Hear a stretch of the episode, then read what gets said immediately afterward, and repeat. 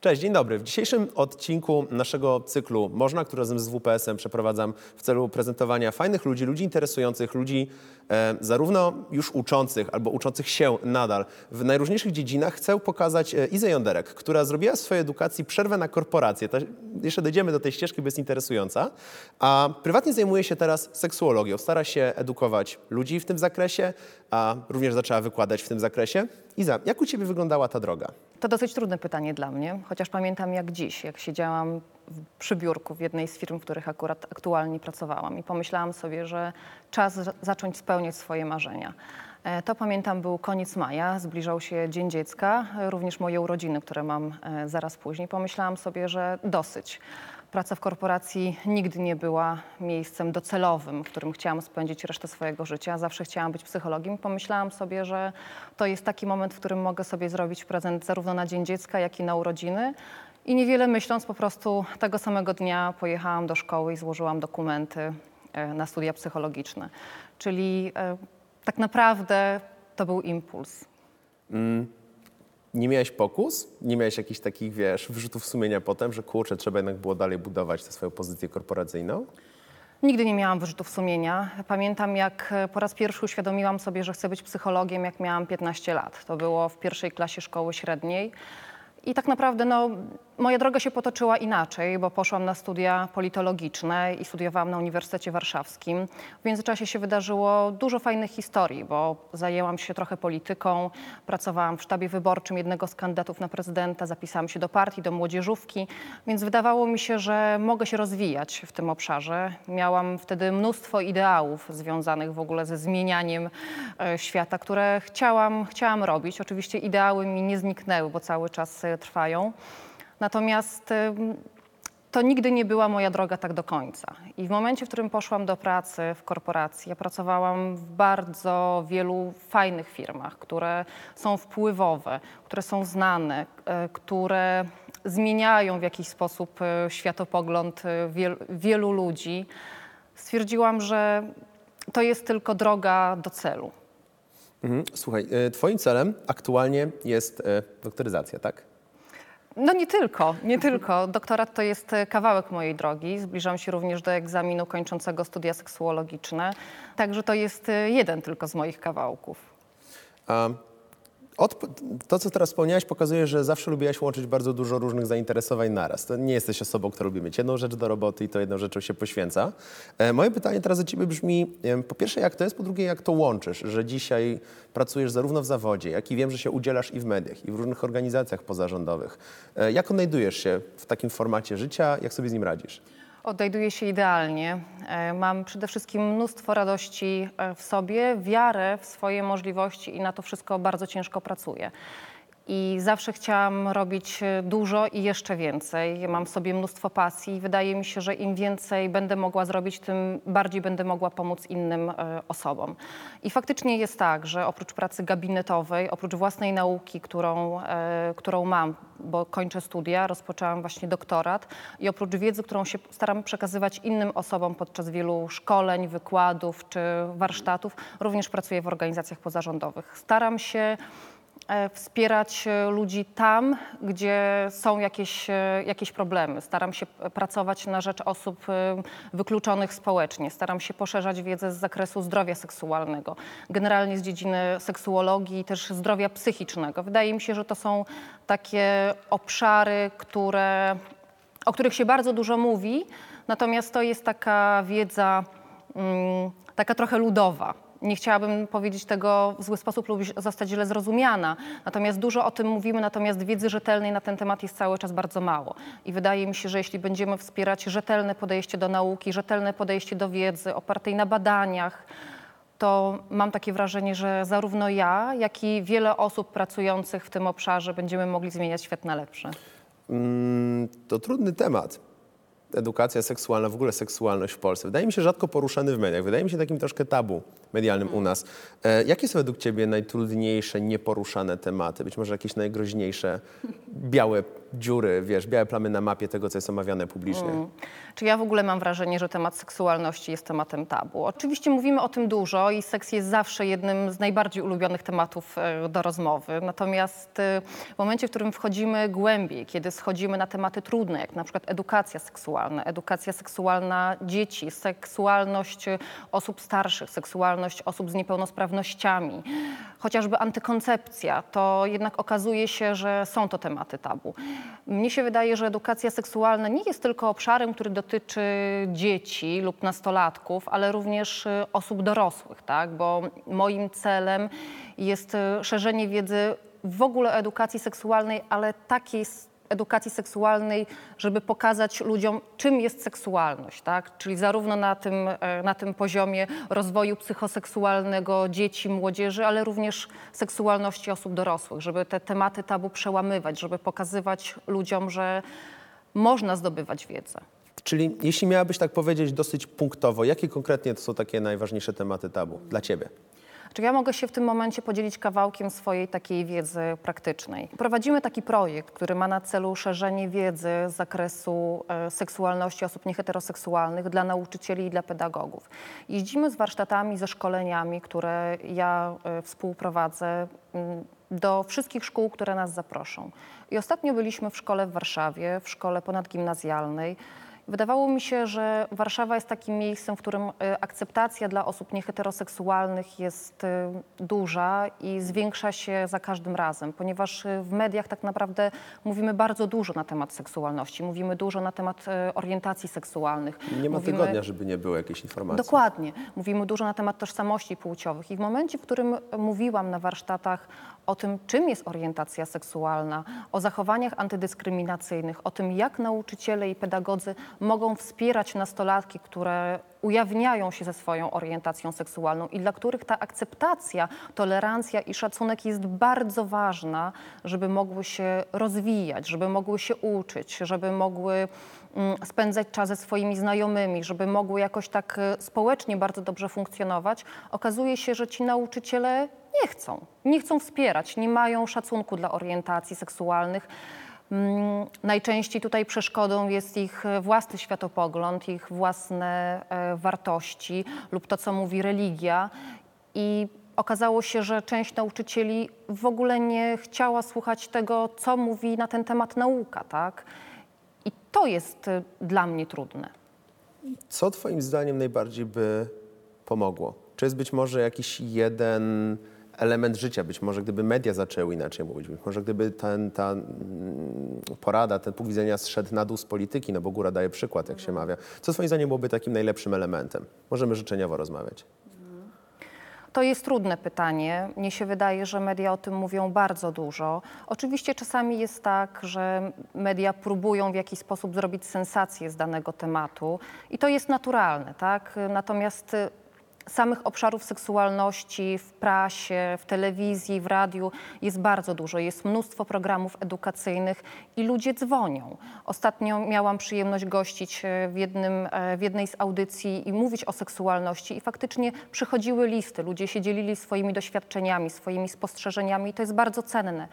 To, co mnie się wydaje, że byłoby pomocne, to przede wszystkim wiedza to, żeby ludzie sięgali do książek, żeby byli otwarci, żeby mieli otwarte głowy, otwarte umysły i otwarte serca na nowość, na inność, na dostęp do nauki, na dostęp e, do najnowszych badań. Wydaje mi się, że Wiedza jest narzędziem i jest narzędziem przede wszystkim do zmiany, do pracy nad tym, żeby było lepiej. Jeśli nie będziemy chcieli się rozwijać, jeśli nie będziemy chcieli poszerzać swoich horyzontów, jeśli będziemy bazować na języku strachu, na języku prewencji, na ideologii, na demagogii, to będzie nam trudno. Natomiast jeśli będziemy starać się właśnie zgłębiać najnowsze, um, najnowsze wyniki badań. Jeśli będziemy otwarci, to wtedy będzie lepiej. Jakie w takim razie są działania oddolne, bo udziela się, udziela się bardzo dużej ilości organizacji pozarządowych, więc podejrzewam, że dosyć dobrze e, jakby jesteś zaznajomiona z tym całym spektrum różnego rodzaju e, właśnie badań, być może jakichś fundacji. Czy mogłabyś troszeczkę przybliżyć nam, jak to wygląda, w jaki sposób na przykład ja mógłbym się zaangażować, w, jaki, w ogóle na czym polega taka pomoc? Myślę sobie, że to jest, y, znaczy odpowiedź na to pytanie jest bardzo prosta.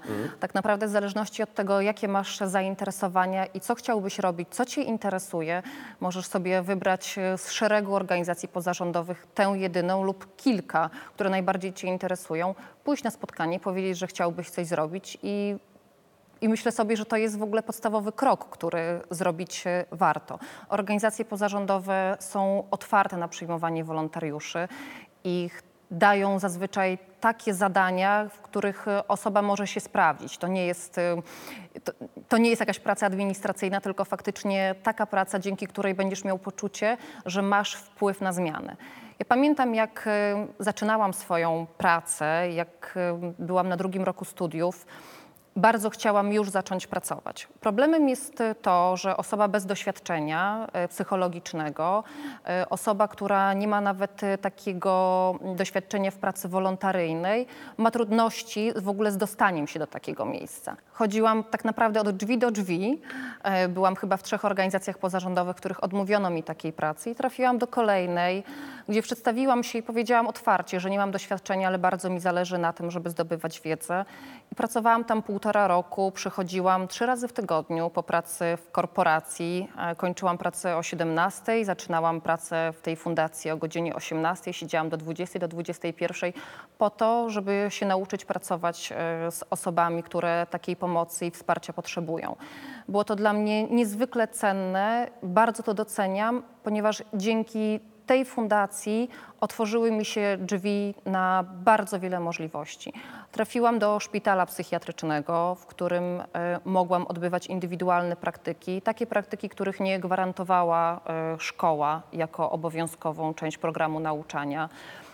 Pracowałam tam pod okiem najlepszych specjalistów, uczyłam się, chodziłam na odprawy, chodziłam na obchody, poznawałam pacjentów, miałam przyjemność ich e, współdiagnozować, oczywiście pod superwizją. Miałam przyjemność e, rozmawiać e, z nimi i poznawać bliżej ich problemy i towarzyszyć im po prostu. To było dla mnie bardzo ważne i cieszę się, że tego mogłam doświadczyć. I po tym pierwszym i po tym drugim znaczącym dla mnie doświadczeniu było mi już dużo łatwiej. Trafiłam do kolejnej organizacji pozarządowej, do drugiej organizacji pozarządowej, gdzie moje doświadczenie i to, co robię, nagle okazało się, że jest ważne, że jest cenne, że ktoś docenia moją pracę i dzięki temu było dużo łatwiej. Ile jest w takim razie prawdy w plotce, że będziesz e, również jednym z wykładowców SWPS-u? To nie jest plotka. E, Faktycznie rozpoczynam e, pracę od przyszłego semestru jako jedna z wykładowczyń Szkoły Wyższej Psychologii Społecznej. Także cieszę się bardzo, że będę mogła przekazywać studentom swoją wiedzę. Mam nadzieję, że będą chodzili chętnie do mnie na zajęcia i tak już mniej żartując, mam nadzieję, że będę mogła wskazać im drzwi, które sami będą mogli otworzyć. Mam nadzieję, że będę mogła przekazywać im e, taką wiedzę, dzięki której zmieni się ich optyka, e, zmieni się ich spojrzenie, że e, stwierdzą, że jest dużo możliwości przed nimi, że będą chcieli dążyć e, do realizacji swoich celów. Jak w takim razie, jakbyś mogła, jakimś jednym zdaniem zachęcić osobę, która w życiu się nie interesowała tematyką seksualności, życiu nie sądziła, że jest to coś istotnego w życiu? napisać do mnie. E, Mój e-mail e, i mój telefon jest dostępny e, na stronie internetowej i jeśli osoby mają wątpliwości lub chciałyby się dowiedzieć czegoś więcej, chciałyby na przykład rozpocząć właśnie swoją drogę w kierunku czy psychologii, czy seksuologii, mają pytania, nie wiedzą po prostu jak zacząć albo gdzie się zwrócić, to mogą po prostu do mnie napisać. Ja pamiętam jak sama szukałam pomocy, jak sama szukałam wsparcia i było mi z tym bardzo trudno, bo w zasadzie te kroki, które które poczyniałam w kierunku wolontariatu, w kierunku pracy w szpitalu, czy później takim gabinetowym, miałam sama, bo w zasadzie nie miałam osoby, do której mogłabym się zwrócić o pomoc. I zakładam, że e, wśród e, studentów są osoby, które chciałyby jakoś zacząć pracować, może nie do końca wiedzą jak. Więc jeśli mają jakiekolwiek wątpliwości, zapraszam. Czy mógłbym Cię prosić o podanie mi linków do różnych najważniejszych miejsc, w których Ty możesz poświadczyć, że jest rzetelna wiedza na temat seksualności? Różnego rodzaju fundacji bym mógł je umieścić w podpisie filmiku dla chętnych. Mhm, oczywiście, oczywiście. Dobra. Więc zapraszam bardzo serdecznie do, na stronę internetową Fundacji Transfuzja.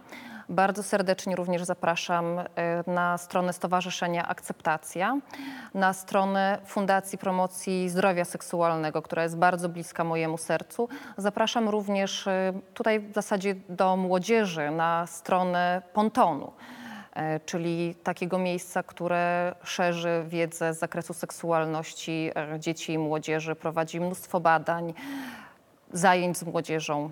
Myślę, że to są takie podstawowe. Ekstra. Aktywne linki będą w opisie filmiku. I ostatnie pytanie, które zawsze muszę zadać. Jakie jest Twoje marzenie? Kiedy pytasz o marzenia, myślę sobie, że mam przede wszystkim cele. E, Chciałabym się doktoryzować, chciałabym później być pracownikiem naukowym, czyli się habilitować, chciałabym przekazywać wiedzę innym, chciałabym również e, cały czas pracować e, w gabinecie, wspierać innych i towarzyszyć im w odnajdywaniu siebie. Wydaje mi się, że kawałek tej mojej drogi, którą przebyłam, czyli od studiów politologicznych poprzez pracę w korporacji, poprzez studia psychologiczne, seksuologiczne, jest czymś, co łączy mnie z innymi osobami, przynajmniej z tymi osobami, z którymi byłam na roku. Wydaje mi się, że poniekąd y, to, co ja teraz mówię, to jest również głos innych osób.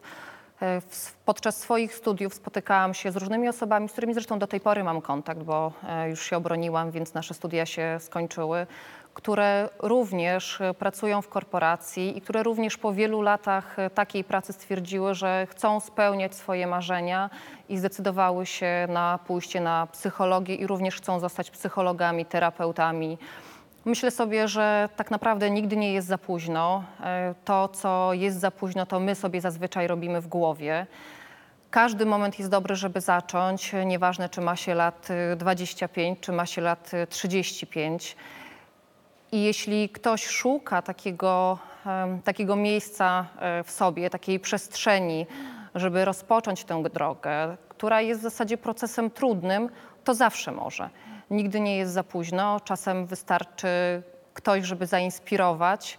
E, Czasem trzeba się dopytać, czasem trzeba popatrzeć na osobę, która podobną drogę przeszła. I jeśli ktoś, e, jeśli jakaś osoba słuchająca mnie teraz myśli sobie, że jest e, w podobnym miejscu swojego życia, w którym ja byłam kilka lat temu i dzięki temu będzie miała narzędzie do inspiracji i ku zmianie, to będę się bardzo cieszyć. Super. Życzę Ci w takim razie powodzenia. Mam nadzieję, że tych ludzi będzie jak najwięcej w nadchodzących latach. I dziękuję Ci bardzo za rozmowę. Dziękuję.